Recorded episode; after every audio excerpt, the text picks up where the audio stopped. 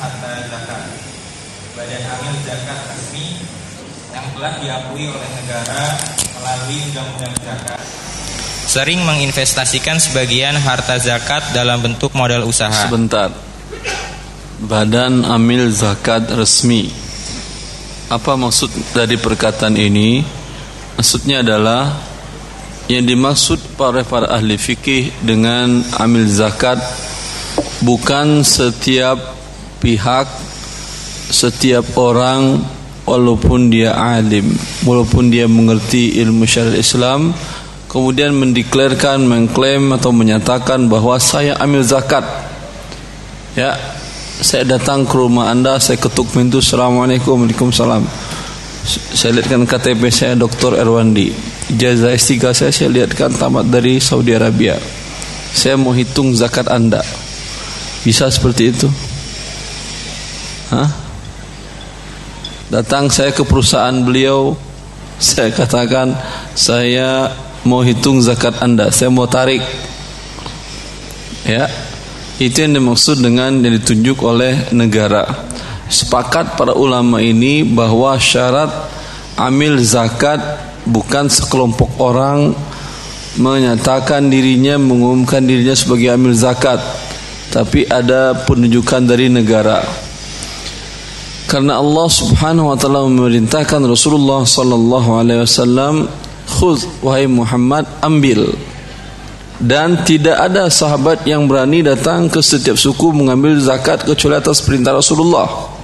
Rasulullah SAW mengirim para sahabat yang ditunjuk beliau.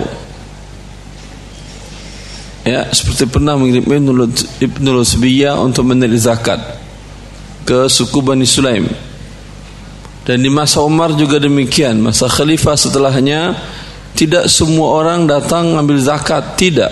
Umar mengutus beberapa sahabat Rasulullah SAW datang ke negeri-negeri untuk menarik zakat dari orang-orang tersebut. Dengan demikian, para ahli fikih kita ijma' dari para sahabat Rasulullah SAW bahwa yang dimaksud dengan ambil zakat bukan seperti yang kita fahami pada hari ini. Tapi maksudnya mereka adalah yang ditunjuk oleh pihak pemerintahan resmi. Kenapa harus seperti itu? Karena mereka narik.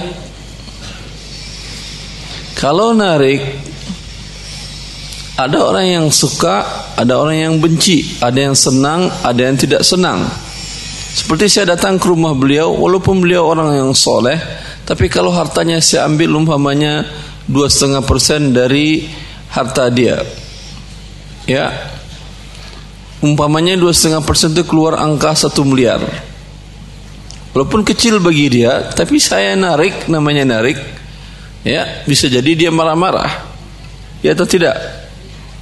Dia tidak boleh berbicara saya yang narik saya yang memeriksa sendiri. Jelas pasti berat bagi dia oleh karena itu Allah memerintahkan Rasulullah sallallahu alaihi wasallam untuk mendoakan orang yang ditarik zakat darinya. Kata Allah, "Wa shalli 'alaihim inna salataka sakanul lahum."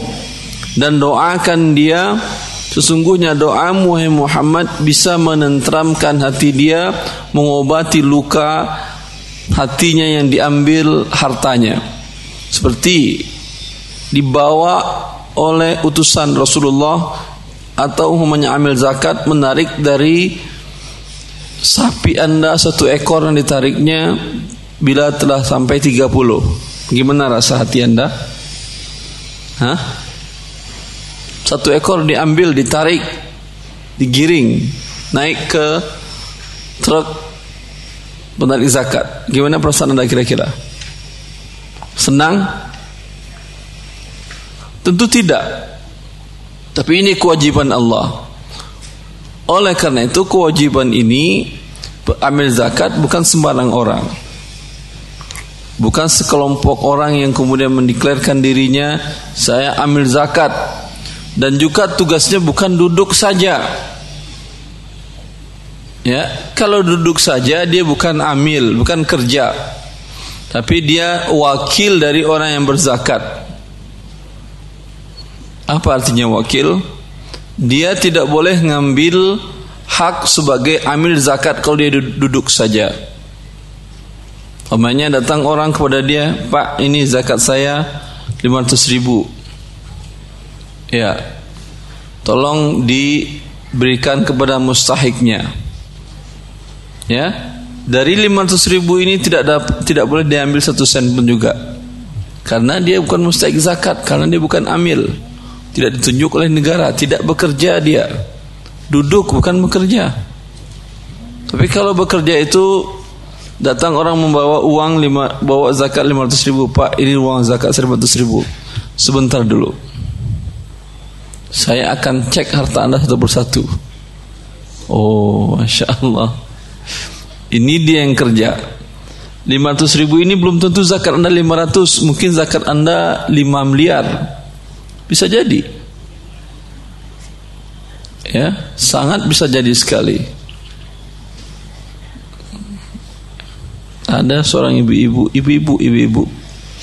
Bukan wanita karir dia, bukan ibu-ibu. Surabaya ikut pelatihan zakat saya. Kemudian beliau tuliskan laporan zakatnya. Karena setiap peserta harus membuat laporan zakat.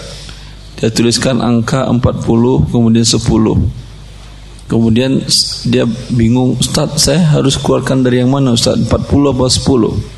Apa itu 40 apa 10 ibu Yang 40 itu adalah 40 miliar Ustaz Ini adalah modal yang saya putar setahun Yang 10 Yang 10 M itu laba bersih saya setahun Ustaz Saya zakat dari 40 M Atau dari 10 M Dari 50 M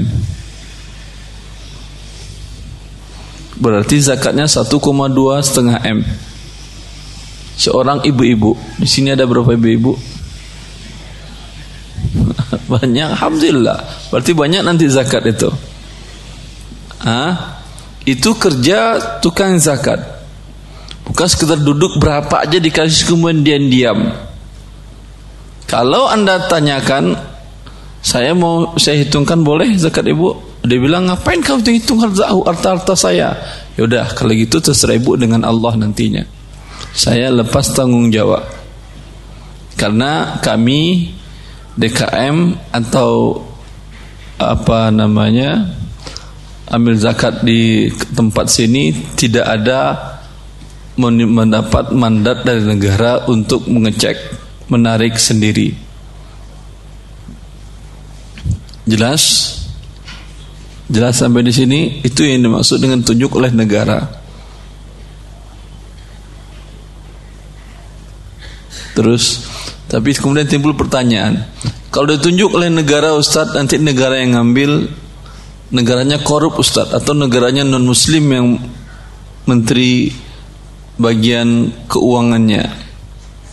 Nanti di, di ambur-amburkannya ada uang kita.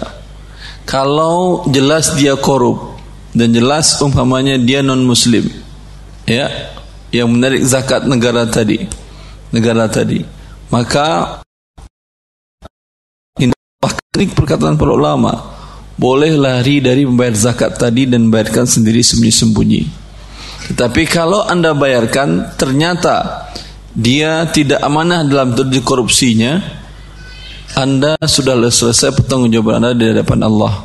Umpamanya ditarik dari anda zakat, kemudian ternyata nggak masuk ke kas negara, tidak sampai ke fakir miskin ke mustahik dikorupsi dia sering terjadi kan seperti itu seperti masalah penarikan pajak pun sering terjadi seperti itu. Ya apakah zakat anda di sisi Allah sudah selesai? Sudah selesai. Yang bertanggung jawab dia kepada Allah. Faham ini? Taib.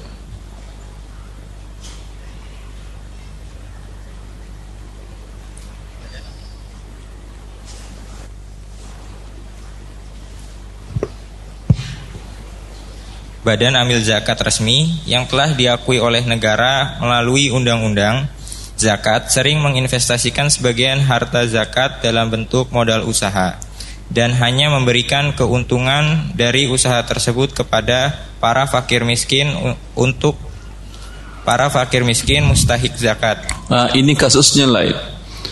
Ya, yang ada di negara kita bagaimana bentuk resminya? Kalau di negara kita ini yang bentuk resmi ambil zakat tadi kalau mendapat izin dari negara. Ada kan beberapa lembaga zakat nasional yang sudah mendapatkan izin dari negara untuk narik zakat. Iya atau tidak? Ya. Ini yang mereka boleh. Tapi pun saya lihat, kita lihat, saksikan status mereka bukan narik, tetap menunggu juga. Pernah mereka datang ke rumah-rumah masyarakat memberikan edukasi tentang zakat dan menarik dari masyarakat? Tidak pernah ada. Ya, mereka nunggu. Yang berani mereka tarik paling kalau mereka bekerja sama dengan sebuah perusahaan atau dengan sebuah instansi. Langsung mereka potong gaji karyawan. Ya, yang menurut mereka mereka namakan dengan zakat profesi. Ini sudah pernah kita bahas kan ya? Sudah? Sudah bulan lalu? Belum? Biarkanlah kalau belum. Ceramah saya banyak kan tentang zakat profesi. Baik.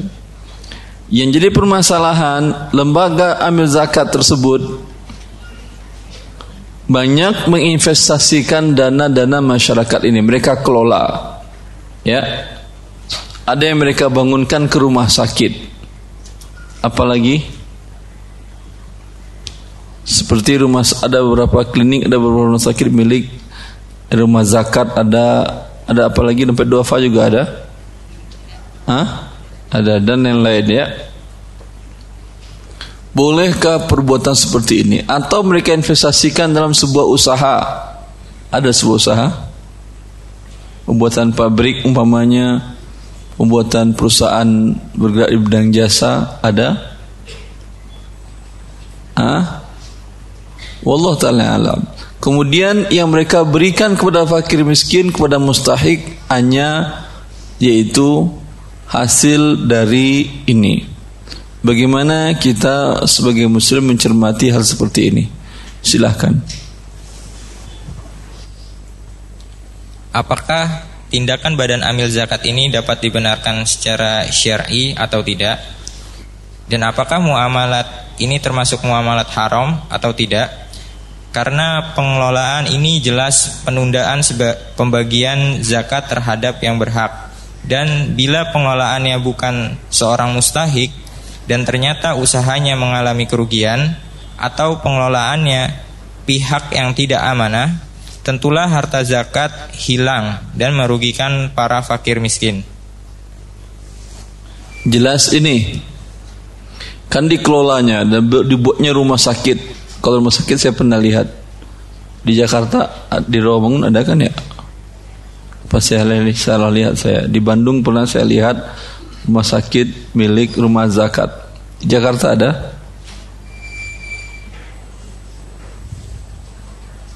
Ada?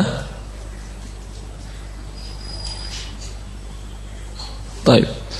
Hal seperti ini ya wallah taala alam perbuatan ini tidak pernah dilakukan oleh para sahabat Rasulullah dan juga tidak Rasulullah sallallahu alaihi wasallam. Tidak pernah Rasulullah menunda hak fakir miskin. Tidak pernah diputar dulu dalam bentuk usaha. Tidak pernah dibuatkan ke rumah sakit dari Rasulullah. Ya, mereka bilang masa Rasul kan tidak ada rumah sakit. Rumah sakit memang tidak ada. Tapi kan ada pengembangan pengambilan peternakan dan segala macam bentuk usaha yang lain, perkebunan, tapi tidak pernah dibuatkan oleh Rasulullah sallallahu alaihi wasallam. Ya, mereka berpendapat karena kalau diberikan langsung kepada fakir miskin nanti habis sama mereka. Ya biarkan. Seperti anda terima gaji juga langsung habis. Ada orang yang marah. Itu kan haknya dia. Allah yang berikan hak gajinya fakir miskin seperti itu. Ketika anda terima gaji umpamanya terima gaji 10 juta Dua hari langsung habis Bayar kredit ini, tutup kredit ini ha? Bayar uang sekolah segala macam Dua hari habis Kalau gitu daripada habis kata perusahaan, kalau gitu gajimu kami masukkan dalam investasi perusahaan lagi. Yang kami berikan kepada kamu hanya sekitar 2 juta saja. Yang 8 juta nanti hasilnya baru kami bagikan. Bisa seperti itu? Enggak, ya, enggak boleh kata Anda kan ya. Kenapa untuk fakir miskin boleh?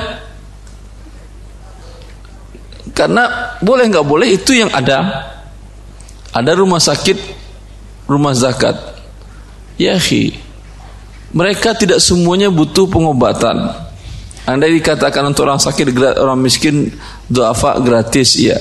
Sekarang rumah sakit yang punya rumah zakat itu kemampuan dia memberikan pengobatan pelayanan kesehatan berapa persen dibandingkan dengan RS UP provinsi berapa persen paling? Paling sampai 30 persen?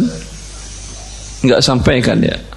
Yang dibuat oleh negara jauh lebih baik dengan program BPJS kesehatan.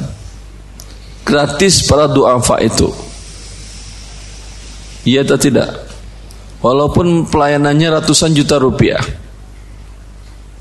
Ya berarti perbuatan mereka hanya sekedar untuk wallahu Ya, seperti yang tadi saya katakan untuk investasi uang.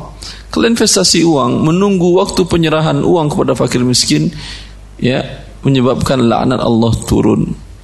Rasulullah sallallahu alaihi wasallam beliau sebelum solat waktu solat masuk ada orang yang menyerahkan sepotong emas zakat.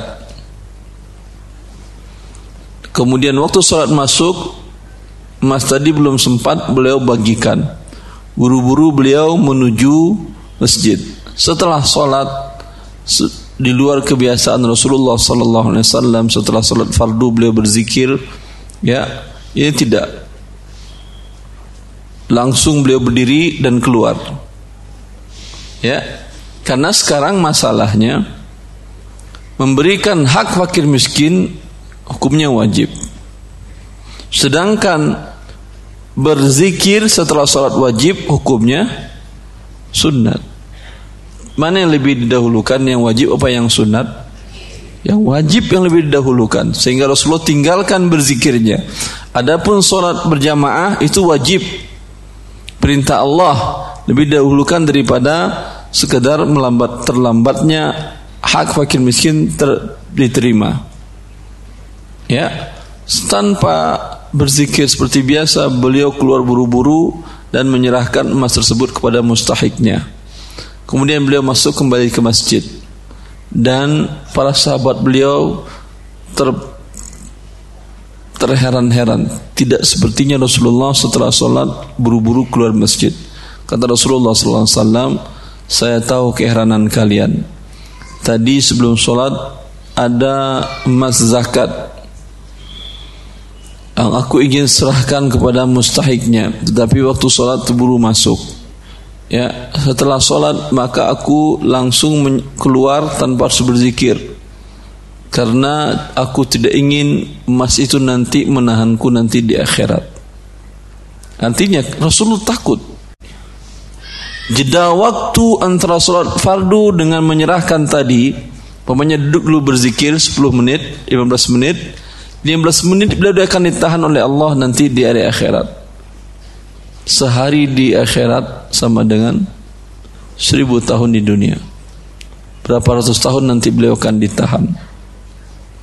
Karena menyangkut hak orang lain ya akhi, apalagi ini hak fakir miskin. Tidak akan pernah bermalam di rumah Rasulullah wasallam harta zakat tersebut.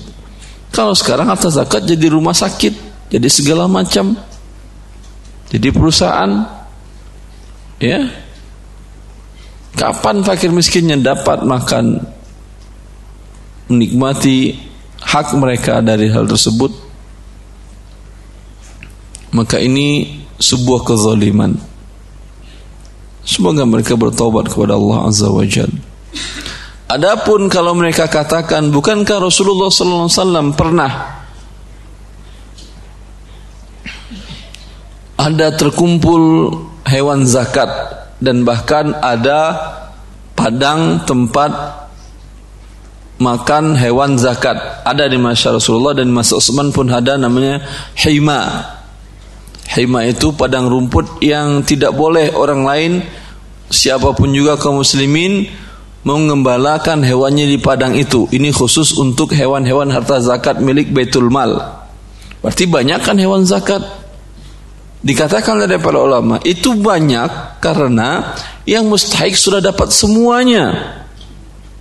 Yang it, dan karena mereka sudah dapat tentu nggak boleh lagi. Ya. Dan masih ada, ya ada tentu dikembangkan.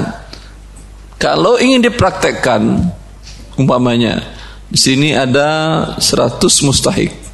Masing-masing berhak 10 satu ekor sapi. 10 juta, 15 juta umpamanya. 100 kali dapat 100 ekor sapi. Udah dapat semuanya satu ekor sapi.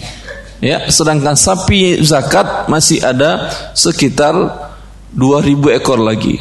Apakah langsung dibagikan ke mereka? Tidak, karena mereka bukan mustahik lagi. Karena mereka bukan termasuk mustahik lagi. Pernah kan saya jelaskan bagaimana cara menghitung mustahik? Ya. Setelah itu mereka bukan mustahik lagi walaupun satu sen pun juga. Jelas?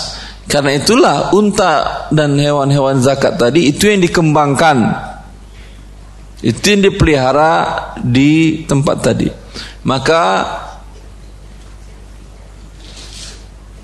Majma' al-Fiqh al-Majma' Majma' al-Fiqh al-Islami Lembaga Fikih Islam Internasional di bawah OKI mereka menfatwakan bolehnya mengelola dana zakat dengan syarat para fakir miskin di tempat itu sudah terpenuhi kebutuhan pokoknya selama satu tahun. Bersisa dana itu yang boleh diputar. Paham? Tapi belum apa-apa terkumpul baru sekitar satu miliar langsung diputar sedangkan kebutuhan fakir miskin di daerah itu adalah 30 miliar. Ya satu sen pun nggak boleh diputar. Karena untuk biaya hidup mereka pun masih kurang tapi setelah sampai kepada mereka kemudian ada di antara mereka yang memutar uangnya dalam bentuk usaha itu urusan mereka masing-masing. Jelas adapun amil zakat bukan hak amil zakat untuk memutarnya. Terus. Para ulama kontemporer berbeda pendapat dalam hal ini. Pendapat pertama, investasi harta zakat hukumnya boleh. Pendapat ini merupakan keputusan Majma' Al-Fiqih Al-Islamiyah. Divisi Fikih Oki. Keputusan nomor 15 dalam kurung 3 garis miring 3 tahun 1986 yang berbunyi secara prinsip harta zakat boleh dikembangkan dalam bentuk usaha yang berakhir dengan kepemilikan usaha tersebut untuk mustahik zakat atau dikelola oleh pihak lembaga amil zakat yang bertugas mengumpulkan dan membagikan zakat dengan syarat bahwa harta zakat yang diinvestasikan merupakan sisa dari harta zakat yang telah dibagikan untuk menutupi kebutuhan pokok para mustahik dan juga dengan syarat ada jaminan dari pihak pengelola. Ya, jelas ini. Ini yang dibolehkan oleh Oki. Boleh bikin rumah sakit, boleh bikin mall, boleh bikin pasar, bikin segala macam bentuk usaha dari terzakat tadi dengan syarat tiga. Pertama, terpenuhi kebutuhan fakir miskin di seluruh tempat itu diambil. Ke mana Jakarta? ya terpenuhi semua fakir miskin tidak ada satupun lagi dalam setahun ini yang bermustahik bagaimana menentukannya seperti yang kita jelaskan di interview satu persatu berapa kebutuhannya? Bukan main bagi pukul rata semuanya dapat satu juta tidak. Mungkin ada salah satu orang yang dapat 100 juta ada mungkin yang dapat 3 juta. Ya jangan anda iri. Wah enak dia 100 juta saya cuma 3 juta. Dia memang kebutuhannya besar. Anaknya banyak, istrinya banyak. Ya, kalau iri ya nikah juga. Yang banyak biar punya anak yang banyak sehingga dapat harta yang banyak dari zakat. Jelas? Jangan marah ke saya ibu. Bapak-bapak yang ketawa bukan saya yang ketawa. Taib. Ya, setelah terpenuhi semuanya dan masih ada sisa, ha? ini yang diinvestasikan tadi. Tentu untuk ukuran Jakarta ini tidak mungkin terpenuhi. Iya atau tidak? Iya atau tidak? Penduduk Jakarta berapa? Sampai 13 juta? Hah? 20? Hah? 10 juta, 13 juta, anggap 10 juta ya. Siang hari 10 juta, malam beda-beda kan untuk Jakarta siang malam? Ah, berkurang dia. Anggap 10 juta biar gampang hitungnya. Yang di bawah garis kemiskinan berapa persen? Sensus terakhir berapa? 27 persen. Penduduk Indonesia rata-rata berapa persen? anggap umpamanya 20 30 persen yang di bawah garis kemiskinan berarti 30 dari 3 juta type kalau di bawah garis kemiskinan 3 juta orang ya kebutuhan kekurangan kebutuhan berapa biasanya per orang kebutuhan minimal di Jakarta rumah ngontrak, anak sekolah swasta dan sekolah Islam lagi. Hah? Berapa kira-kira? 10 standarnya gajinya. Ya. 10 juta. 10 juta dikali 3 juta berarti berapa? Banyak lah ya, 3 triliun. 3 triliun, taib. Terkumpul zakat di Jakarta sekitar 10 triliun. 3 triliun tadi habis sudah dibagi-bagikan kepada mustahiknya. Tinggal 7 triliun. Ya, ini sisa. Ini yang boleh dikembangkan. Karena kebutuhan mereka pun dikembangkan tidak 100%-nya. Karena siapa tahu ada kebutuhan mendadak setiap para duafa tadi. Iya atau tidak? Jelas? Dianggap dikembangkan umpamanya 5 triliun, 2 triliun ditinggalkan untuk uang cadangan kebutuhan mendadak fakir miskin. Yang 5 triliun dia putar boleh. Tapi dengan syarat lagi investasi yang aman, risiko artinya risikonya tidak terlalu tinggi. Kemudian yang paling repot adalah pengelola yang amanah dia hanya boleh mengambil gaji minimal saja. Karena ini harta fakir miskin. Karena kalau tidak amanah dia tidak profesional dan tidak amanah, maka yang rugi adalah fakir miskin. Kalau seperti ini ada dan memungkinkan, alhamdulillah. Bisa jadi umpamanya fakir miskin Jakarta memiliki apa umpamanya yang besar memiliki umpamanya pasar induk pasar induk untuk uh, bahan pokok atau bisa jadi fakir miskin memiliki apa distributor terbesar BBM untuk Jabodetabek. Bisa atau tidak? Bisa. Ya kan ini risikonya nggak terlalu tinggi tapi syaratnya seperti tadi. Jelas?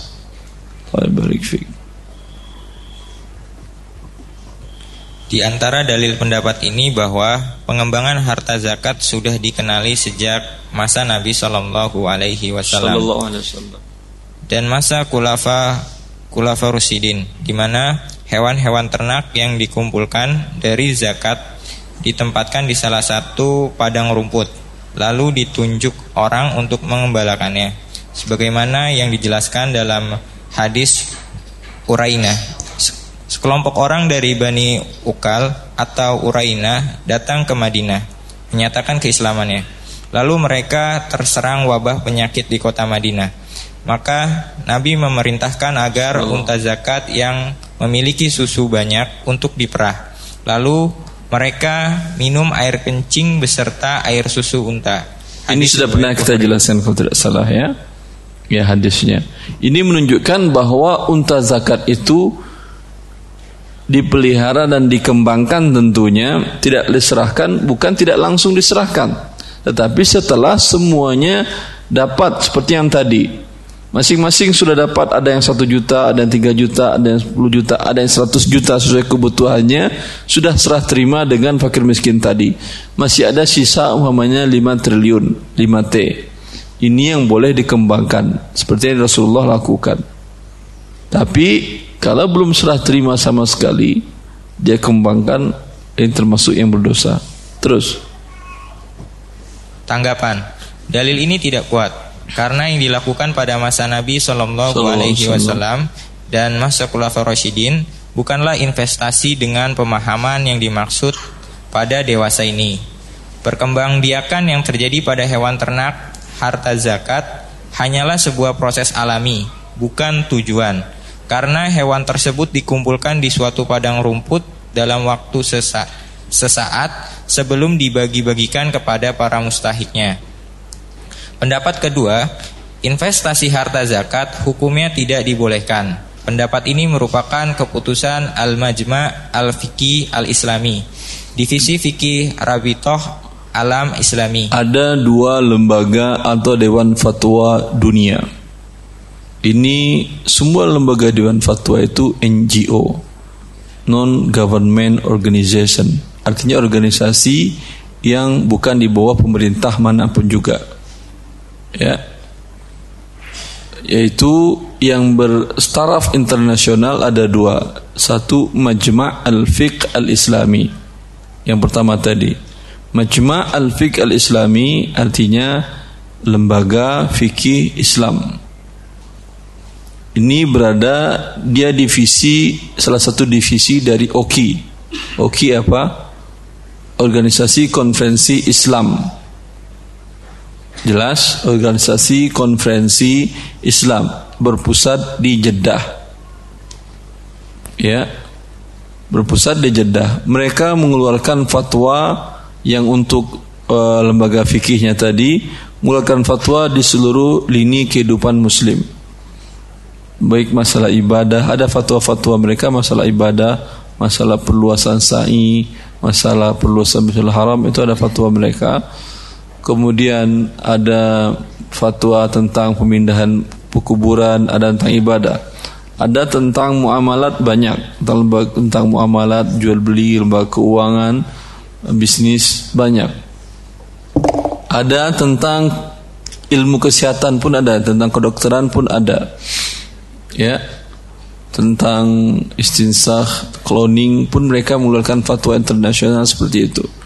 Yang ini untuk sebuah fatwa keluar eh, prosedur yang mereka lakukan adalah mereka tunjuk para ulama-ulama perwakilan dari dunia Islam seluruhnya ya kemudian salah seorang atau lima orang atau tujuh orang sesuai kebutuhan membuat sebuah karya ilmiah tentang kasus yang ingin didiskusikan. Setelah sebelumnya mereka mengundang pakar di bidang tersebut. Bila berkaitan dengan kedokteran, tentu profesor di bidang kedokteran yang presentasi dulu di depan para ulama ini, apa itu namanya tentang cloning, apa itu mereka, apa itu pencangkokan uh, alat organ tubuh. Setelah mereka presentasi, baru para ulama itu menulis dari tinjauan fikih islaminya. Kemudian setelah mereka tulis, mereka sidangkan ya. Kemudian pada waktu saat sidang itu terjadi uh, debat, terjadi adu argumen segala macam. Kemudian mereka keluarkan fatwa kesepakatan. Bisa jadi mereka semuanya sepakat, bisa jadi sebagian besar sepakat, ada satu atau dua orang atau tiga orang tidak sepakat, tetap dikeluarkan fatwanya. Tapi kalau kurang ya sedikit yang setuju maka fatwanya dibatalkan atau keluarnya adalah haram atau tidak boleh. Uh, ini lembaga fikih Islam internasional ini ada yang di bawah OKI, ada satu lagi yang di bawah Rabithah Alam Islami.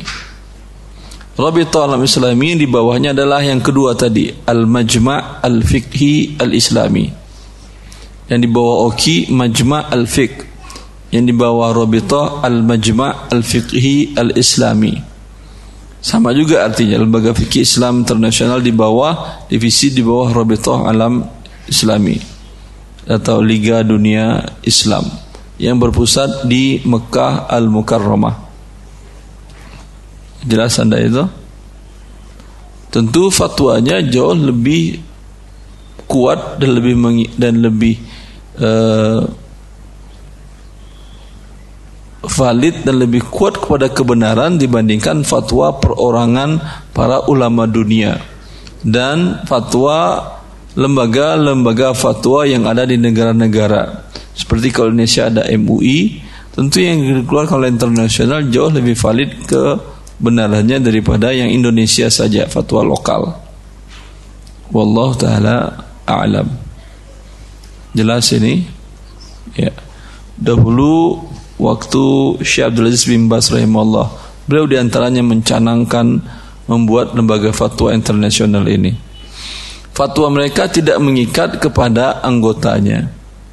Seperti Oki tidak mengikat fatwa yang dikeluarkan oleh Majma' Al-Fiqh Al-Islami. Tidak mengikat. Cuma menjadi rujukan iya. Mengikat apa arti mengikat? Harus seperti ini. Tidak. Jelas? Eh.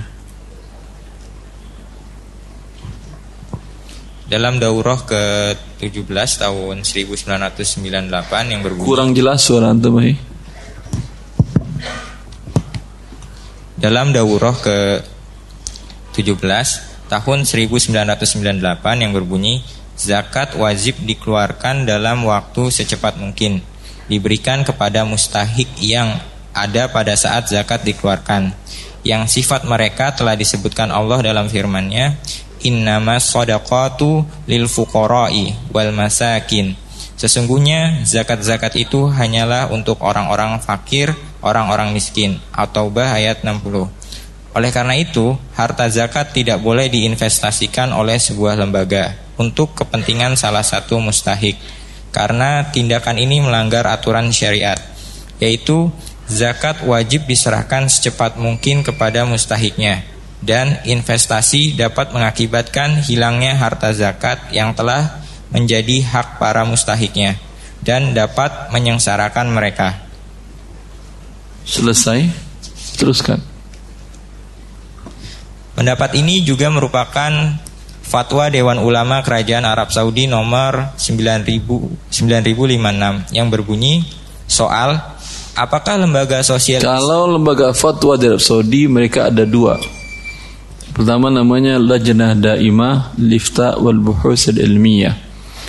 Komite fatwa dan penelitian-penelitian ilmu-ilmu syar'i.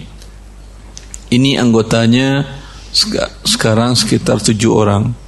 Termasuk diantaranya Syekh Sa'ad bin Nasir Asyasri yang berapa kali datang ke Indonesia. Ini jabatannya sama dengan menteri. Jabatan yang tujuh orang ini. Mereka setiap hari berkantor di Lajnah Daimah tadi ya pengawalannya pengawalan menteri dan seluruhnya sama dengan sebagai seorang menteri di Saudi Arabia dan mereka digaji oleh negara hanya hanya tugas mereka masuk jam 8 keluar jam 3 seperti karya seperti pegawai negeri yang lain. Tetapi duduk saja di kantor menunggu orang yang bertanya dan menjelaskan kepada umat. Bebas siapa saja datang bebas. Datang ke kantor Dewan Fatwa itu tanyakan permasalahan yang Anda ingin tanyakan mereka akan menjawab. Ya. Ini bebas siapa saja. Saya pernah beberapa kali menemui para ulama di antara pernah menemui Syekh Saleh Fauzan, pernah menemui Syekh Sa'ad bin Ashri sendiri, Syasri, karena ada kepentingan kalau saya menemui Syekh Sa'ad Syasri. Minta rekomendasi untuk masuk S3. Minta memo. Karena Arab Saudi negara memo. Tanpa rekom, rekomendasi biasanya susah untuk melanjutkan jenjang pendidikan. Ya, Alhamdulillah saya ternyata bisa melanjutkan tanpa rekomendasi Syekh. Syekh ingin menuliskan, cuman Syekh mengatakan, saya dulu dosen di kampus itu dan mudir yang yang sekarang mudir yang dulu juga. Berarti masih masih dianggap anak buah oleh dia. Saya akan mintakan kamu dari dulu Raja Abdullah waktu itu adalah sebagai amir Syekh orang tuanya bapaknya Nasir Nasir Syastri itu adalah anggota Dewan Malaki Dewan Kerajaan mereka yang mengangkat raja yang memberhentikan raja dewan ini ini namanya Dewan Al-Malaki. Di antaranya biasanya diambil dari para ulama dan tokoh persukuan. Ya, kumpulan para suku. Sehingga Syekh mengatakan kamu masukin ke kantor ke kantor uh, Amir. Oh enggak, Amir Sultan waktu itu. Amir Sultan di waktu itu. Lalu saya sampaikan kepada pihak ada ada dosen yang di kampus. Dia mengatakan nggak perlu sejauh itu Erwandi terlalu panjang lama. Karena Amir itu pasti memang kalau dia sekali tulis memo pasti diterima. Karena negara milik dia tapi masalah terlalu panjang urusan sang raja urusan beginiin kata dia. Saya nulis saja katanya. Dituliskan alhamdulillah saya diterima S3 di kampus. Dan subhanallah Syekh waktu itu saya hanya bertemu Syekh di kampus sudah lama. Sebelum ke Dewan Fatwa itu saya bertemu Syekh lama sudah. Waktu saya selesai dari program akademis di S2 selama satu tahun kuliah setelah satu tahun kuliah saya Syekh menjadi pembimbing judul S2 saya pembimbing judul bukan pembimbing tesis setelah beliau jadi pembimbing judul, pertemu bertemu hanya beberapa kali, tiga kali. Saya disetujui tesis saya. Setelah saya nggak pernah bertemu Syekh lagi. Saya datangin sekitar jarak empat tahun. Ya, saya datangin karena kebutuhan. Karena saya tahu bahwa beliau diangkat Dewan Fatwa Ulama. Syekh ternyata masih ingat. Subhanallah. Ya, waktu saya masuk Ya kita orang Indonesia di sana kan dianggap bangsa supir. Dikirain mau ngapain ke ulama besar di sana. Ya, walaupun saya pakai gutroh, pakai baju gamis, pakai gutroh, pakai selendang merah putih itu, ya, walaupun pakai gutroh saya. Sekretaris pribadi Syekh melangi duduk sini dulu kata dia, nggak boleh masuk. Saya mau salam, nggak boleh duduk sini dulu. Ternyata Syekh ada kebutuhan mau keluar, dia mau keluar dilihatnya dia tapi ingat bukan nama saya, ingat nama bapak saya. Tirmizi. Ya. Tirmizi kata dia. Dia yang salam ta'al ta'al kata dia, dia masuk saya sampaikanlah kebutuhan saya. Ternyata tidak jadi. Dan pun waktu Syekh datang ke Indonesia pertama kali, saya tidak diajak oleh teman-teman untuk bagian dari panitia uh, penyambutan Syekh di bandara. Walhasil saya nggak datang. Syekh menanyakan saya ingat dia ada dokter satu murid saya namanya Trimizi katanya. Lalu saya ditelepon oleh Ustaz Firanda, Ustaz, antum mohon datang ke rojak, Syekh nanyain antum. Sudah berapa lama sampai di rojak Malah dia yang layanin saya, dikasih saya buah, dikasih saya air. Enggak Syekh, ini negeri saya di sini. Syekh duduk aja. Enggak, enggak kata dia. Dipanggilin orang kasih Erwandi makan. Kata Tirmizi kasih makan malam katanya. Kami sudah makan tadi duluan kata dia. Sebegitu akhlak beliau. Padahal beliau adalah lajnah daimah. Ini yang duduk setiap hari. Kemudian ada lagi namanya Dewan Fatwa yang kedua, Hay'ah Kibarul Ulama. Dewan Ulama Besar. Dewan Ulama Besar ini selain lajnah daimah yang ada tujuh orang tadi yang tetap setiap hari ngantor, ada tambahan. Biasanya mereka cuma rapat sekali tiga bulan, sekali empat bulan, tergantung kebutuhan kerajaan. Kerajaan ingin mengambil keputusan penting umpamanya, ya itu harus berdasarkan izin Dewan Ulama Besar ini. Dewan Ulama Besar ini harus izin dia. Seperti umpamanya keputusan memperluas sa'i. Itu kan nggak berani karena berkaitan dengan kaum muslimin seluruh dunia. Ya, tempat sa'i dibuat lantai menjadi tiga itu keputusan baru. itu harus uh, izin para ulama perluasan umpama uh, perluasan Masjidil Haram juga izin hayat kibar ulama tadi. Yang penting sesuatu yang krusial negara nggak berani. Ini bedanya hayat kibar ulama dengan lajnah daimah. Lajnah daimah tidak ada hubungan fatwa dengan negara. Yang berhubungan yang mengikat fatwanya adalah fatwa hayat kibar ulama. Dewan Ulama Besar Kerajaan Saudi Arabia yang dia yang dia dibutuhkan oleh kerajaan untuk mengeluarkan fatwa dalam setiap permasalahan. Ketuanya adalah mufti. Ketuanya adalah mufti. Maka setiap anggota lajnah daimah dia otomatis anggota ulama besar Saudi Arabia.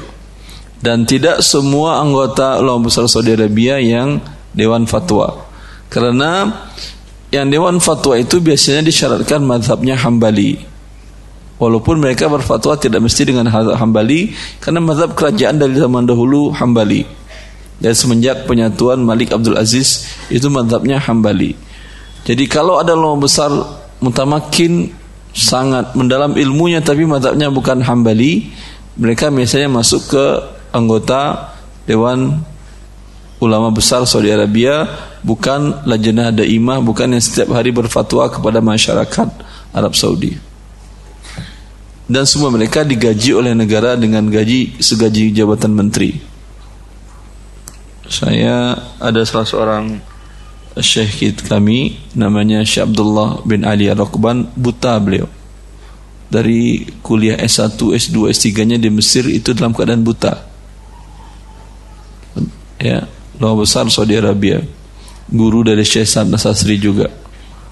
Ya itu saya yang menyatakan menjelaskan ke saya ini bagian keuangan di kampus di kuliah dekat dengan saya dia bilang saya lihat cek Syekh ketika diangkat dari profesor di kampus menjadi ulama dewan dewan ulama dewan komite fatwa. Gaji pertama apa namanya uh, perbaikan status sekutif pertama diangkat bukan gaji pertama diangkat sekitar 300 ribu real hampir satu miliar lebih. Ini hanya untuk ganti mobil ganti apa ganti pelatan-pelatan rumah tangga lah ya Allah alam Makanya nggak heran kalau di Arab Saudi itu menjadi ulama itu harapan banyak orang. Karena hidup hidup terjamin, ah, kemudian mendapat posisi yang terhormat. Kalau di Indonesia menjadi ulama itu pilihan terakhir. Kalau udah nggak diterima lagi di kedokteran, di teknik, ya, di mana-mana, ah barulah masuk masuk Lipia. Bisa masuk Lipia tempat itu baru masuk UIN umpamanya. Kalau di sana enggak, pilihan utama orang-orang. Karena bahkan yang tamat S1 syariah itu bisa bekerja di mana pun di pemerintahan. Saya datang ke rumah sakit berobat rumah sakit pemerintah, duty manajernya ternyata tamat syariah.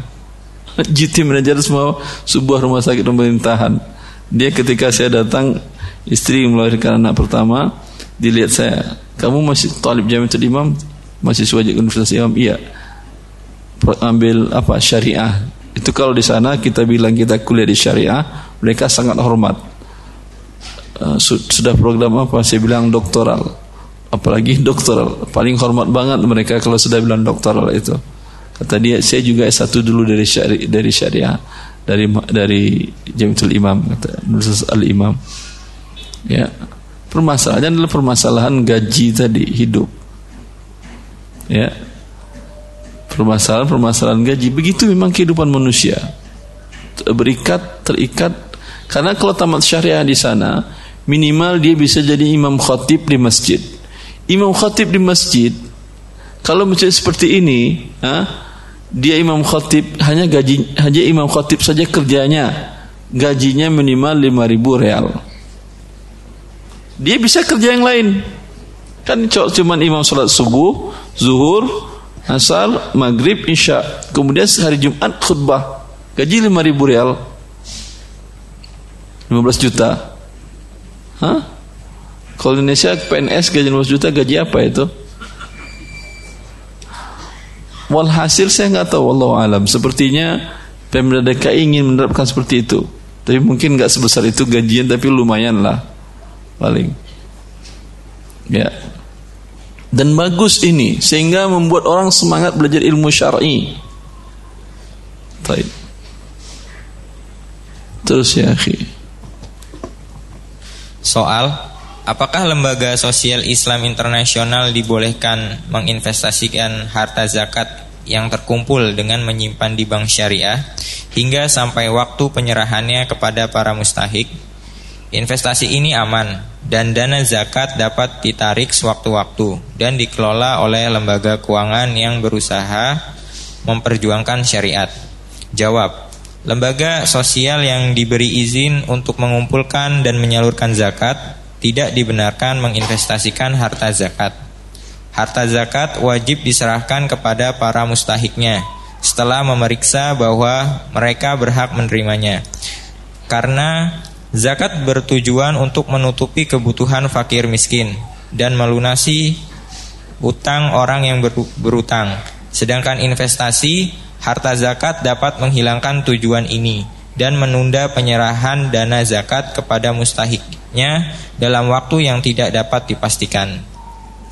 Dalil pendapat ini sabda Nabi Shallallahu Alaihi Wasallam dari Uqbah radhiyallahu anhu ia berkata, aku sholat asar di belakang Nabi di Madinah. Setelah salam, beliau bergegas berdiri masuk ke kamar salah seorang istrinya hingga melangkahi pundak sebagian para sahabat. Lalu beliau kembali ke masjid. Melihat para sahabatnya heran dengan tindakan beliau. Ia bersabda, Zakartu say'a min tiberin indana faqarihtu an yahbisani fa'amartu fikis matihi. Aku ingat sepotong emas zakat dan aku tidak suka emas tersebut menawanku. Maka aku perintahkan untuk membagikannya kepada para mustahik. Hadis riwayat Bukhari. Hadis ini menunjukkan bahwa menunda harta zakat yang sudah terkumpul adalah perbuatan yang dibenci Nabi Shallallahu Alaihi Wasallam dan menginvestasikan harta zakat termasuk menunda penyerahan harta zakat kepada mustahiknya. Jelas itu setiap orang yang megang harta zakat kaum muslimin jangan bangga setiap laporan zakat masjidnya mengatakan masjid kami terkumpul zakat sekarang 300 juta bulan depan sekarang 500 juta. Itu bukan bagus namanya masyarakat Anda. Namanya menahan fakir miskin. Kalau yang bagus itu hari ini Alhamdulillah kemarin terkumpul 300 juta. Pekan depannya Alhamdulillah saldo nol dan minus. Itu bagus. Berarti terpenuhi diserahkan sudah ke fakir miskin kepada mustahiknya. Kalau sekedar begitu sebaiknya jangan. Saya ingatkan Anda. Bila umpamanya mendapati DKM yang seperti itu, jangan serahkan zakat kepada mereka. Langsung Anda menyerahkan sampai ke fakir miskin langsung tanpa ada yang menghalang-halangi. Ya.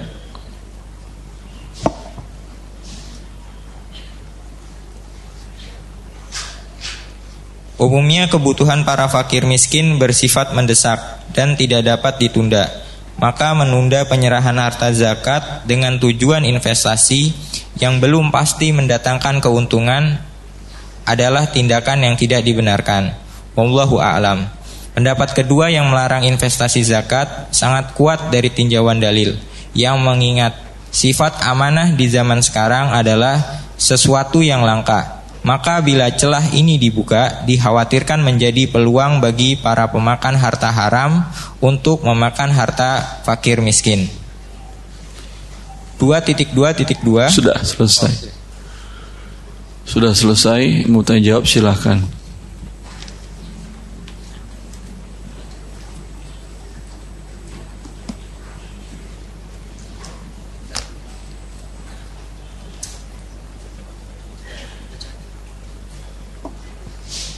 Assalamualaikum warahmatullahi wabarakatuh. Sebentar, ibu-ibu ada yang mau langsung? Sudah ada? Kalau tidak ada, fadl bacain aja. Dibacain Ustaz. Nah, bacain aja.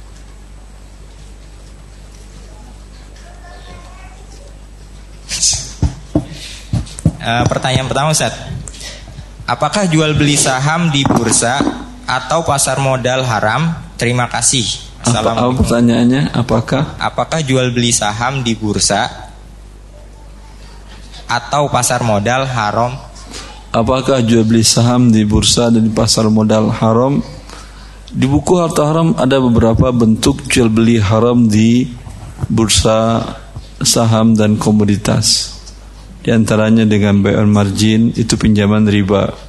Dengan cara features itu mengandung gharar dan riba. Umumnya minimal tidak ada serah terima barang. Ya.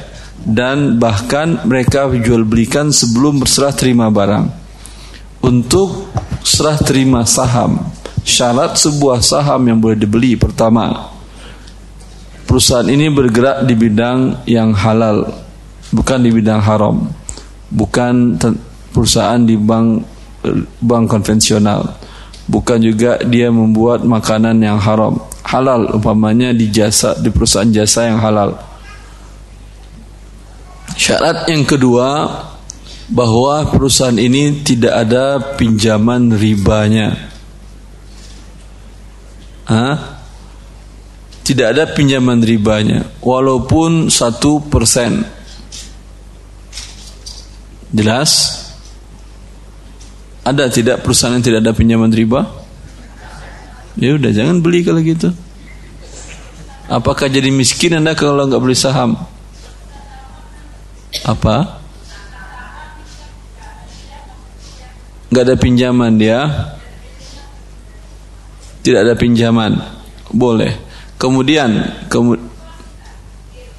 ya sebentar dulu kemudian kan ada kemudian kalau saya sudah berhenti iyalah kemudian tidak ada pinjaman ribanya kemudian tidak ada klausul dalam akta pendirian perusahaan bahwa perusahaan dibolehkan untuk melakukan pinjaman riba ketika modal yang ada kurang. Hah? Ada perusahaan yang tanpa seperti ini? Ada? Ada ibu?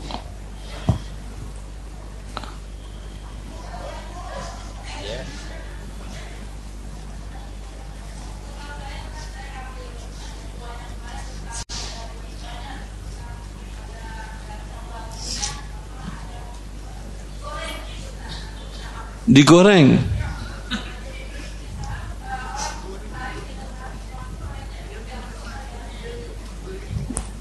Yaudah, kalau bakwan goreng enak, kalau pisang goreng enak, kalau saham goreng, taib. Kemudian keandai itu ada, ada beberapa saham yang diterbitkan oleh kaum muslimin di Timur Tengah ada seperti itu dulu ada perusahaan sabik petrokimia di Saudi Arabia itu ada beberapa syekh saya dulu dia beli saham ya sekarang petrokimia kan maju. Dulu dengan modal sekian real sekarang naik jadi ribuan real harga selembar sahamnya. Ya. Kemudian syarat selanjutnya boleh jual beli tadi adalah dijual setelah diterima. Ya. Apa artinya jual setelah terima untuk settlement saham tercatat nama Anda sebagai pemilik sekarang yang menguasai apa? Apa nama badan sahamnya? Dulu BI kan ya, sekarang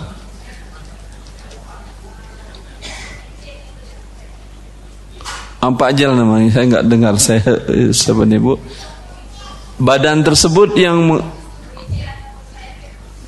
bukan bursa efek ada badan khusus Dulu BI, kalau Anda beli saham umpamanya beli 100 lembar saham dari perusahaan Telkom Telkom. Nama Anda tercatat di BI sebagai pemilik 100 lembar Telkom.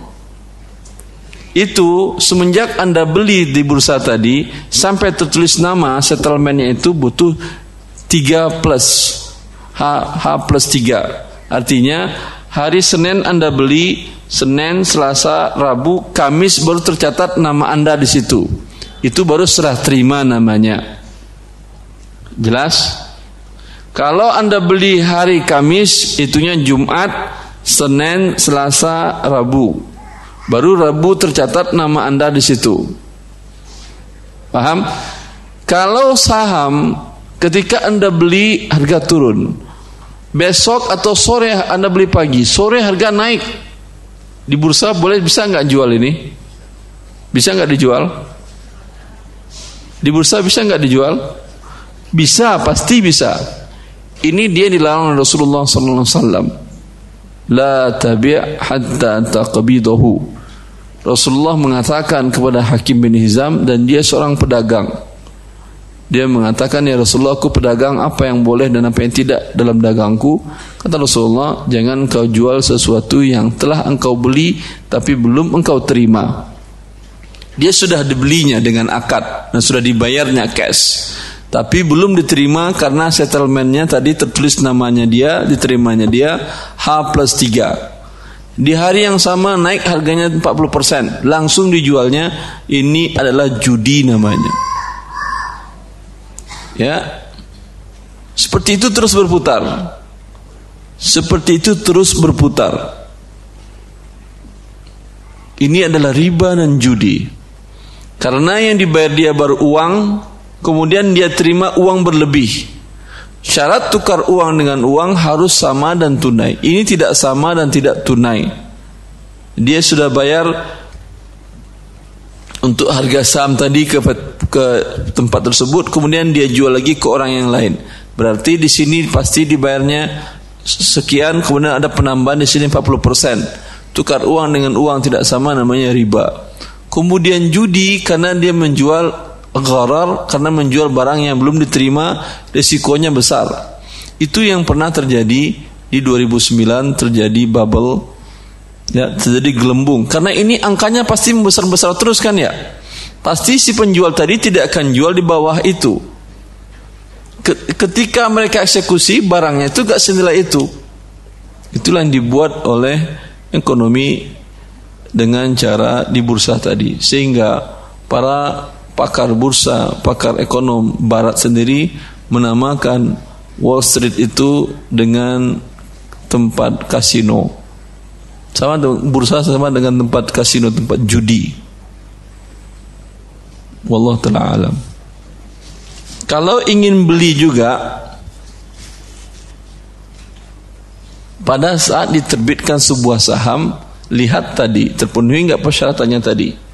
Diterbitkan beli Jangan jual kecuali dengan jual dengan cara jual beli biasa. Jual ketika Anda butuh uang, silahkan jual dengan cara tunai seperti biasa. Ya. Atau yang lebih baik lagi tanpa bursa pun bisa Anda beli saham. Teman punya usaha butik, teman punya usaha uh, jahit gamis atau punya usaha developer. Pasti yang namanya usaha kekurangan dana terus, ya atau tidak? Walaupun sudah bergerak modalnya sudah sekian triliunan pasti kurang aja. Hah? Tawarkan ke dia. Saya tambahkan modal saham Anda sekian. Ya, untung rugi saya ikut. Ketika rugi akan rugi turun uang saya, ketika naik akan naik uang saya. Tapi mohon jangan ada akad riba kau lakukan dengan mana pun juga. Ketika butuh modal saya insya Allah bisa mencarikan modal dari teman-teman yang lain. Seperti yang saya lakukan kepada Anda. Hah?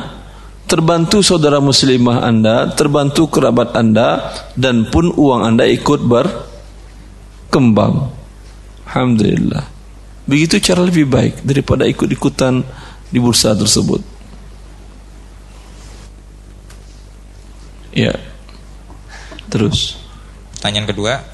Assalamualaikum Ustaz.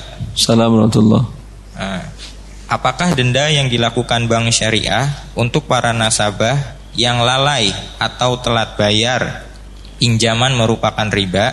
Jika riba, apa solusi untuk para nasabah yang telat bayar?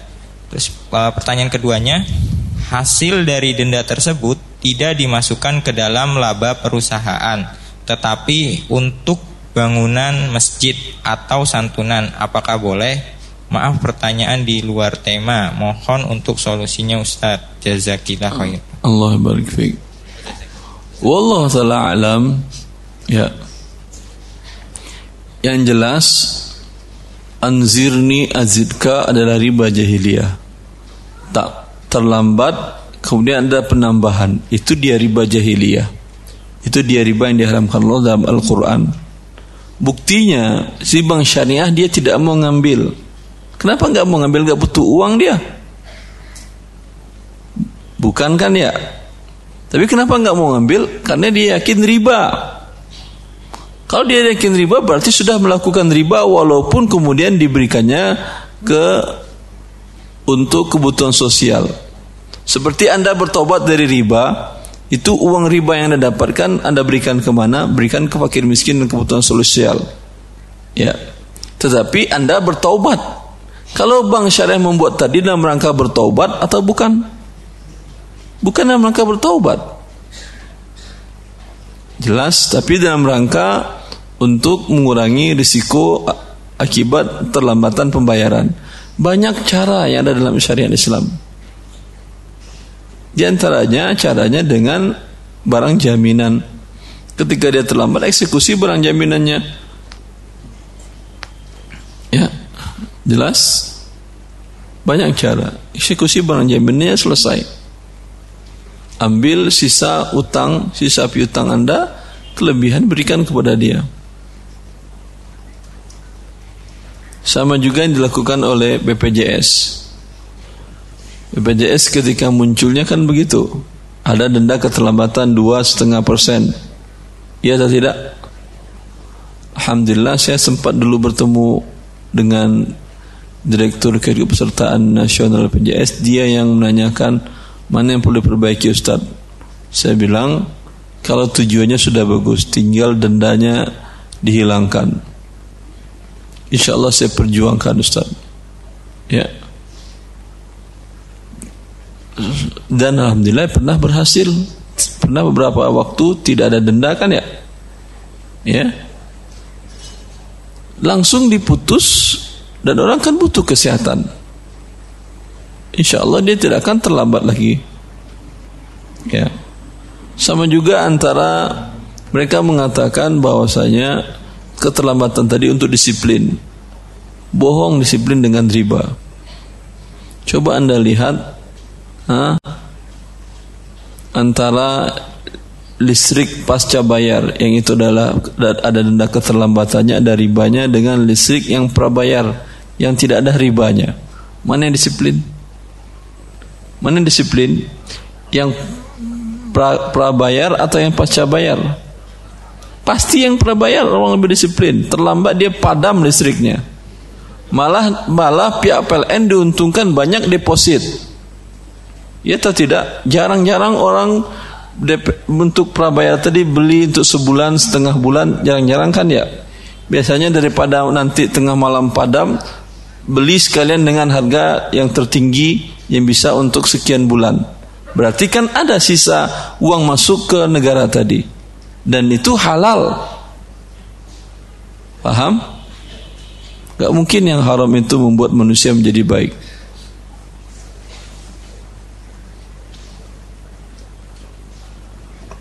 Kalau yang tadi set yang keduanya belum dijawab. Hasil dari denda tersebut tidak dimasukkan ke dalam laba perusahaan, tetapi dibangun masjid atau santunan. Apakah boleh? Uh, masjid dari uang riba. Iya, yang dari masjid dari uang riba tidak boleh.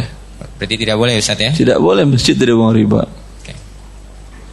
Bagi fakir miskin boleh. Tapi dengar Anda tadi santunan. Mereka menyerahkannya ke fakir miskin pasti iklannya lebih besar daripada dana yang diserahkannya. Masukin ke koran sana, ke koran sini, ah, undang semua pejabat itu biayanya berapa persen dari dana yang diserahkan real kepada fakir miskin tadi. Tujuannya iklan, dapat manfaat nggak bank tadi? Jadi seolah-olah bank itu memberikan santunan kepada fakir miskin. Padahal itu uang riba yang diberikannya kepada fakir miskin. Harusnya kalau dia iklan kan ber berbayar. Iya atau tidak? Ala kulli hal kita dibohongin setiap hari oleh mereka. Pertanyaan ketiga. Bismillah. Satu. Ustadz, gimana sebaiknya kita menyerahkan zakat mal ke masjid atau apakah saya harus bayar zakat lagi? padahal saya sudah membayar pajak yang besar. Kedua, kalau zakat zakat zakat emas untuk simpanan belum sampai haul satu tahun saat Ramadan ini. Bagaimana hukumnya kalau kita bayar zakatnya atau menjaga saat oh menunggu saat saat satu tahun? Yang ketiga apakah zakat emas perhiasan setiap tahun harus dikeluarkan? Sukron apakah zakat juga harus dikeluarkan padahal kita bayar pajak? Pajak yang membuatnya adalah manusia. Zakat yang mewajibkannya kepada anda adalah Allah. Hah? takut kepada siapa anda? Kepada manusia atau Allah? Allah menciptakan langit dan bumi. Yang menciptakan anda dari setetes air mani. Sedangkan manusia tadi satu sen pun gak pernah memberikan rezeki kepada anda dan Allah yang memberikan rezeki anda sampai udara yang kita hisap pada saat ini kita hirup ini rezeki dari Allah. Pemerintah tidak pernah memberikan udara kepada masyarakatnya malah mengotorin dengan memberikan izin kepada pabrik-pabrik dan lain-lain. Ya atau tidak? Ya. Maka tapi tidak mungkin juga anda hidup di negara seperti negara Indonesia ini zakat anda bayarkan pajak anda lari nanti dimasukinnya anda ke penjara Ya. Oleh karena itu bayar dua-duanya. Zakat dibayar, pajak dibayar, apa boleh buat?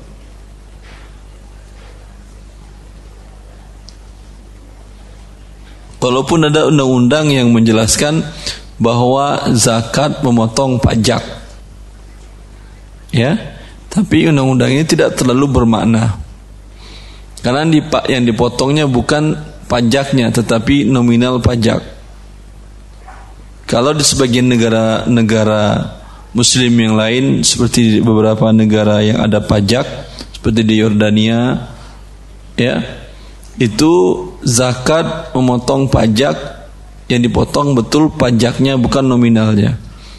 Kalau di Indonesia tidak, Anda umpamanya punya uang 100 miliar, nah, terkena pajak 10% 10 miliar, jelas? Dan Anda mengeluarkan zakat sedekah infak sebanyak 10 miliar. Itu harusnya nol kan ya?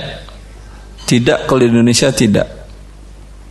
Tetapi kalau di Indonesia sekarang uang Anda tinggal 90 miliar. 90 miliar tetap terkena zakat 9 miliar. 10 persennya. Kalau di sebagian negara orang lain iya. Habis pajaknya kalau dibayarkan zakatnya dan dilaporkan. Taib.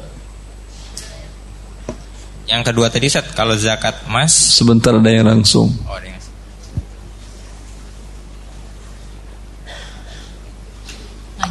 Assalamualaikum Ustaz Assalamualaikum Maaf di luar tema Ustaz Mau yeah. tanya tentang KJP Ustaz Apa? Kartu Jakarta Pintar itu hukumnya bagaimana ya? Apa itu kartu Jakarta Pintar itu? Yang saya anak... bukan orang Jakarta, saya nggak tahu. Jadi uh, semacam dana dari pemerintah, Ustadz. Pemda. Iya. Maksud dana itu kartu itu apa? Untuk mendapatkan kartu siapa aja yang boleh dapat? Kita mengisi formulir gitu, Ustadz. Yang dapat ini siapa? Setiap warga Jakarta gitu? Iya, anak sekolah, Ustadz. Hah? Orang ha? untuk orang orang nggak mampu Ustaz. Orang yang tidak mampu. Iya. Ukuran tidak mampu itu bagaimana dia mengukurnya? Di ukurannya itu nanti kita isi formulir Ustaz. Isi formulir. Iya. Terus Nah, nanti kalau disetujuin sama pemerintah baru kita nanti terima dari uh, Bank DKI berbentuk ATM Ustaz. Uh, sebentar yang saya tanyakan formulir itu isinya apa yang untuk sehingga bisa diketahui ini mampu atau tidak? Iya. Dari RT apa isinya isi formulir itu apa? isi formulir itu kita data tentang data kita, terus uh, kemampuan kita, terus nanti kita dari pengetahuan dari RT RW gitu surat pengantar dari RT RW bahwa kita tidak mampu gitu Ustaz. Apa arti tidak mampu itu? Pendapatannya minimal berapa atau Iya. berapa minimalnya? Tidak punya rumah, kayak rumah di kon- kontrak, kendaraan Dia tidak punya rumah Uh, uh, Ya. uh, iya betul. di Jakarta, tapi punya pulau di Sumatera. Hah? Pendapatannya di Jakarta cuma di bawah UMR. UMR berapa? Tiga setengah? Tiga juta. Tapi dia punya emas di kampungnya tiga kilo. Banyak kan seperti itu kan ya. Bahkan pemulung di Jakarta di kampungnya rumahnya lebih bagus daripada rumah gubernur Jakarta. Maka apa ukuran tidak mampunya itu? Kalau seperti yang kita jelaskan dalam ukuran fakir miskin itu bahwa kebutuhannya lebih besar daripada kebutuhan pokoknya daripada harta dan aset dan pendapatan hariannya itu iya. Tapi ala kulihal tentu baik juga yang namanya sesuatu hal yang gratis ah, tentu baik. Terus apalagi pertanyaannya apa bagus atau tidak gitu? Ah, boleh atau tidak gitu Ustaz? Boleh atau tidak? Iya. Kalau dengan syarat dengan syarat Anda jujur mengisi formulir Iya. dan mendapat boleh, alhamdulillah. Oh gitu, boleh berarti Ustaz ya? Insya Allah. Oh, iya. Syukran Ustaz. Assalamualaikum. Assalamualaikum warahmatullahi Yang pertanyaan kedua tadi Ustaz, kalau zakat emas kita simpan belum sampai haul satu tahun saat Ramadan ini, bagaimana hukumnya kalau kita bayar zakatnya atau menunggu saat satu tahun? Kan sudah kita jelaskan kalau tidak salah tentang bahwa setiap muslim dan muslimah punya tanggal zakat yang berbeda dari yang lain. Iya atau tidak? Masih ingat? Ya. Ini yang bertanya sepertinya nggak hadir pekan lalu, pertemuan yang lalu. Setiap orang berbeda. Tentukan zakat Anda sendiri. Bagaimana menentukan bukan Anda yang tunjuk. Lihat rezeki yang Allah berikan kepada Anda. Kapan mulai uang Anda ditambah dengan dengan emas ditambah dengan harta perniagaan sampai senisab. Tanggal itulah tanggal haul Anda. Setiap tahun tanggal itu ingat dan hitung saat itu juga harta Anda pada jatuh tanggal tersebut. Kecuali berkurang nisabnya di tengah tahun tadi, berarti hitung start haul baru lagi. Terus Apakah zakat emas perhiasan setiap tahun harus dikeluarkan? perhiasan dipakai apa tidak? Eh, nggak jelas nih Ustaz, itu doang pertanyaan. Kalau tidak jelas tidak ada jawaban. Baik, Ustaz. Tanya, tanya selanjutnya. Kalau dipakai tidak ada zakatnya. Baik.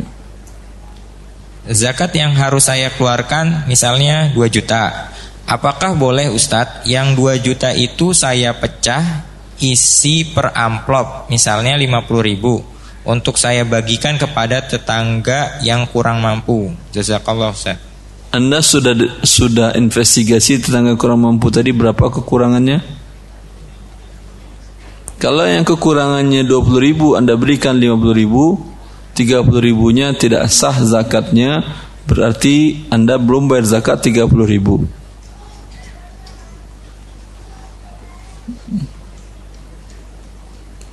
Sudah terus Ustadz, apa tanah waris yang akan dijual dalam kurung belum laku wajib zakat? Kami ahli warisnya wajib bayar zakat. Tidak, ini bukan barang dagangan tetapi tanah mau diuangkan dan akan dibagi. Yang zakat barang dagangan itu kalau tanah tadi mereka miliki dan mereka tunggu sampai harga tinggi baru dijual. Itu dia harta dagangan. Tapi dia untuk diuangkan berarti nunggu laku bukan nunggu harga tinggi. Harganya pas sesuai sudah mereka anda kalau dagang properti beli tanah jual tanah, kapan Anda lepas? ketika lebih besar daripada harga Anda beli. Itu dia untuk didagang. Kalau tapi Anda punya tanah, ya. Memang tidak ada niat walaupun harga tinggi tidak Anda lepas karena betul belum butuh uang. Ketika harganya tinggi baru Anda iklankan Anda jual. Ya. Ini namanya bukan harta dia dagangan. Tidak ada zakatnya ketika terjual. Paham? Jelas ini. Ketika sudah menjadi uang, ya dia ikut kepada nisab uang yang lain. Maaf, kepada haul uang yang lain. Kalau anda haulnya di, bulan Muharram, walaupun baru satu bulan, langsung keluarkan zakatnya. Terus. Uh, saya kelu Oh, assalamualaikum, Ustadz mau tanya. Saya keluar dari bank konvensional dan dapat uang bulanan satu juta tujuh ratus lima puluh ribu setiap bulannya. Tapi dari siapa? Dari bank konvensional di sini. Saya keluar, oh gini pertanyaan saya keluar di bank konvensional dan dapat uang bulanan satu juta tujuh ratus lima puluh ribu setiap bulannya dari nggak ada Ustaz ya nggak ada nggak nggak ada nggak usah saya jawab next Assalamualaikum Ustaz Assalamualaikum apa hukumnya jika bunga deposito dipakai untuk membayar pajak atau denda pajak perusahaan? Mohon jawabannya Ustadz. Terima kasih. Wassalamualaikum. Assalamualaikum. Halal kalau Anda setelah bertaubat apa artinya? Anda tutup rekening deposito tadi karena ini rekening riba. Kemudian tetap masih ada bunga depositonya. Ya, tapi rekening sudah Anda tutup. Ini baru boleh Anda gunakan seperti yang tadi. Tapi belum Anda tutup tidak boleh. Maka untuk bank syariah tadi boleh dia gunakan tapi tutup akadnya pakai uangnya. Itu bertobat dia namanya. Tapi kalau masih setiap orang datang dibuatnya akad seperti itu mungkin maka masih ada akad ribanya terus. Kapan dia bertobat? Orang bertobat itu kata Allah tidak mengulangi kembali. Kalau ini dia bertobat, ulangi, utobat, ulangi, tobat, ulangi. Baik, terus. Assalamualaikum Ustaz. Assalamualaikum Suami bekerja di Gosen, salah satu cabang usaha perusahaan Gojek. Apakah bekerja di sana juga dilarang Ustadz? Mengingat salah satu fasilitas GoPay yang mengandung riba karena di perusahaan yang sama. Mohon penjelasannya. Jazakallah khairan. Dia di bagian apanya? Di Gosen di sini tulisan. Gosen itu bagian apa? Pengiriman berarti. Tidak ada persentuhan dia dengan ribanya? Kalau tidak ada, alhamdulillah. Kalau ada termasuk dia yang tolong menolong dalam akad riba. Wallahu taala alam. Agak panjang Ustaz. Assalamualaikum warahmatullahi wabarakatuh. Assalamualaikum Pak Ustadz, saya mendapatkan bagian warisan sebidang tanah yang telah disepakati keluarga besar saya di kota kelahiran saya di Medan. Tapi belum di disahkan di dalam hukum dari nenek dari ibu yang keduanya telah wafat. Tapi sampai sekarang saya belum menerima surat tanah tersebut dan masih dipegang oleh anak tertua nenek dalam kurung uak. Namun karena ada suatu permasalahan yang rumit, sekarang surat tanah itu dipegang semua dengan adik ibu dalam kurung bibi dan suaminya dalam kurung ipar. Apakah saya punya kewajiban untuk membayar zakat atas tanah tersebut? Syukron. Tidak ada zakat tanah. Satu. Jelas? Kecuali tanah tadi dijadikan barang niaga. Apa arti barang niaga? Dia adalah seorang developer Seorang developer memiliki tanah tujuannya untuk diapa? Untuk ditanamin atau untuk dijual kembali? Untuk dijual kembali. bisa jadi dijualnya seperti itu setelah dekapling kapling bisa jadi dijualnya setelah di, di, di, dibangun di atasnya unit-unit perumah rumah-rumah ya atau tidak maka ini dihitung sebagai atas zakat karena ini barang niaga ya jelas kalau seperti kasus tadi waris bukan barang niaga ke waris walaupun anda punya tanah anda simpan, tapi tujuannya bukan untuk dijual belikan, tapi hanya untuk simpan kebutuhan masa depan. Tidak ada zakatnya. Terus. Bismillah. Assalamualaikum. Assalamualaikum. Bagaimana hukumnya bila seorang marketer suatu produsen atau agen baju dalam proses penjualan ada sistem PO atau pre-order? Baju tersebut akan dibuat oleh produsen setelah tutup PO yang diiklankan oleh marketer. Jadi terlihat berapa orang yang ikut PO. Pembayaran dilakukan setelah barang dari produsen sampai ke agen. Marketer transfer ke agen baru, agen kirim barang ke marketer. Apakah diperbolehkan? Jika tidak, bagaimana solusinya? Syukron Ustaz. Allahumma Boleh, nggak ada masalah. Karena ini akadnya istisna walaupun barang belum ada pada saat dijual. Ada uh, sebuah konveksi dia akan membuat dia sudah me, apa? Dia sudah mengeluarkan produk barunya hasil desainnya seperti ini seperti ini seperti ini. Siapa yang pesan? Ya ditunjuk berketer tolong jualkan. Siapa yang mau pesan? Ya walaupun barang belum ada boleh diperjualbelikan karena ini akadnya istisna. Dan pihak agen tadi pun boleh memperjualkan memperjualbelikannya ke bawah atau ke masyarakat umum dengan cara istisna mawazi juga. Dengan istisna paralel juga. Walaupun barangnya belum ada wallah taala alam selanjutnya ini yang KJP udah tadi ya Terus. Pajak restoran itu sebenarnya ditujukan untuk siapa Ustadz? Si pemilik restoran atau pengunjung dalam kurung konsumen? Jazakallah khairan. Allah yang barik fik. Kalau Anda tuliskan di restoran Anda bahwa harga belum termasuk pajak dan Anda tarik pajak dari si pengunjung berarti Anda perpanjangan tangan dari penarik pajak dari negara dan Anda termasuk orang yang dijanjikan oleh Rasulullah tidak masuk surga. Jelas? Akan tetapi kalau Anda yang membayar pajak tidak Anda kenakan kepada para pengunjung, tetapi otomatis karena Anda ada bahan pajak di sana, harga akan Anda naikkan, ya atau tidak? Karena kalau tidak Anda naikkan, Anda tidak dapat apa-apa, hanya dapat lelahnya saja. Ya, maka otomatis harga Anda naikkan. Kemudian ketika ada pajak Anda setorkan. Maka ini Anda berarti mengurangi laba yang Anda dapatkan. Ini boleh. Anda pihak yang dizalimi oleh pemerintah, Anda termasuk orang yang berpahala karena terzolimi. Beda itu. Dan tanggapan negara pun beda kepada dua orang ini, ya atau tidak?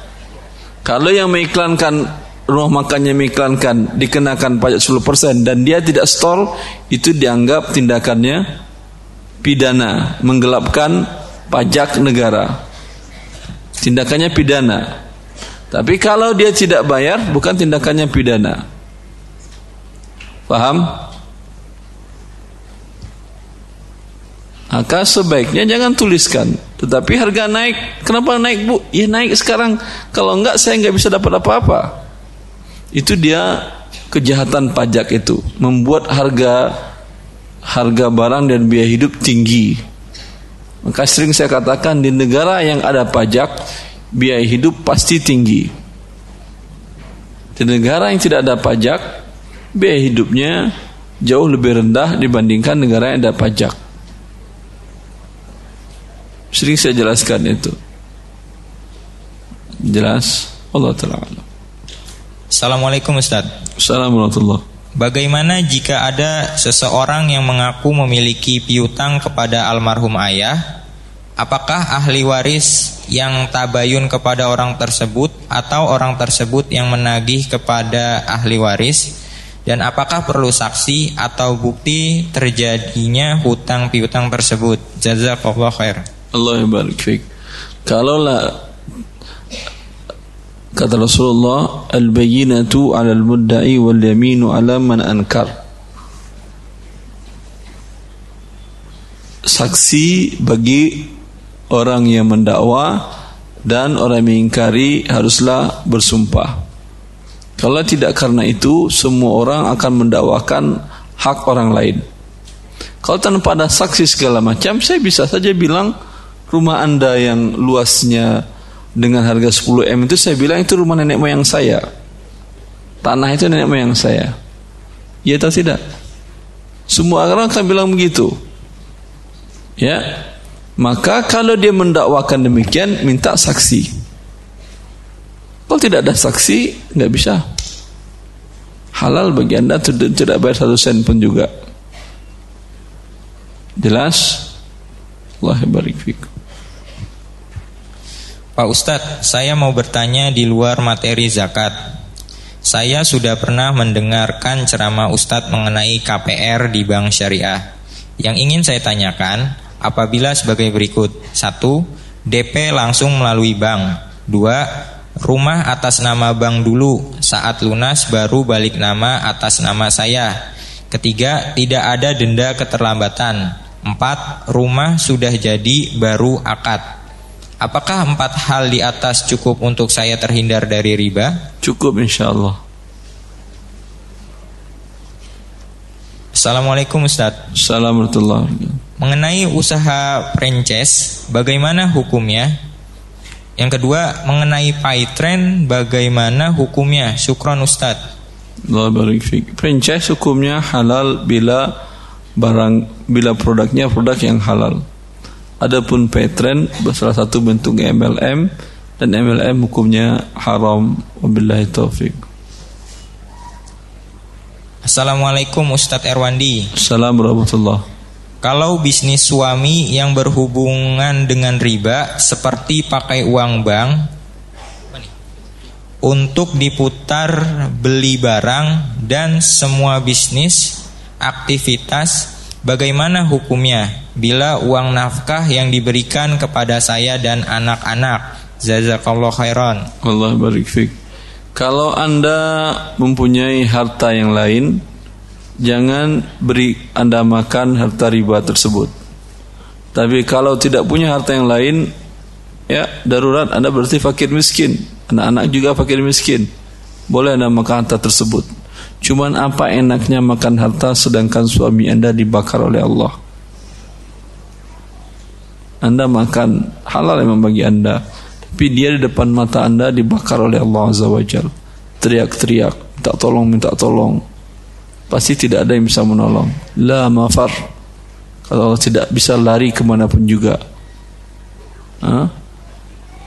Oleh karena itu di antara nikmatnya penduduk ahli sorga kata Allah والذين آمنوا واتبعتهم ذريتهم بإيمان ألحقنا بهم ذريتهم وما ألثناهم من عملهم من شيء كل امرئ بما كسب رهين kata Allah orang-orang beriman dan diikuti oleh anak keturunannya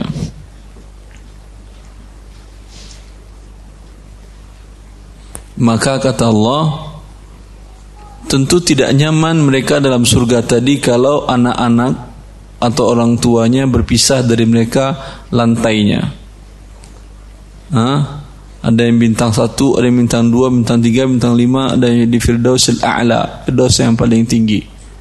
Ya, kata Allah, posisi yang paling tinggi bisa menarik yang bawah selagi masih di surga. Dengan seperti itu, sempurna kebahagiaan mereka yang di dalam surga. Itu yang dalam surga. Apalagi sekarang anda Alhamdulillah diberikan oleh Allah surga. Tapi melihat suami dalam neraka. Karena dia berbuat riba. Allah Ustaz. maka nasihati suami habis-habisan. Baik.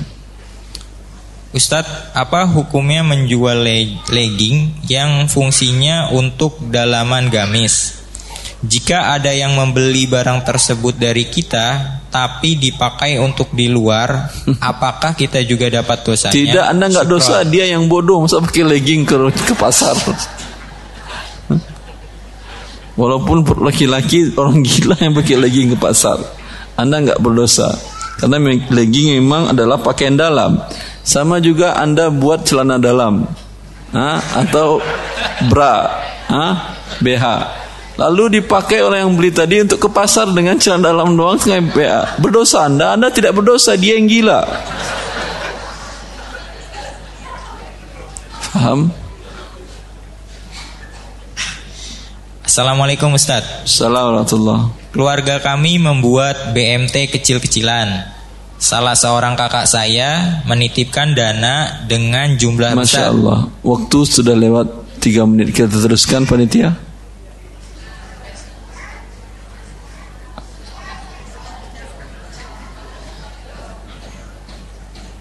penanggung jawab penanggung jawab kajian ibu-ibu kan ya. Ah, silahkan berikan keputusan boleh teruskan atau tidak. Memang saya terlambat tadi. Karena saat qadar Allah masyafa'al ternyata hari ini genap sedangkan mobil ikhwah yang jemput ganjil. Muter-muter subhanallah. Sudah? Subhanakallah bihamdika asyhadu an la Assalamualaikum warahmatullahi wabarakatuh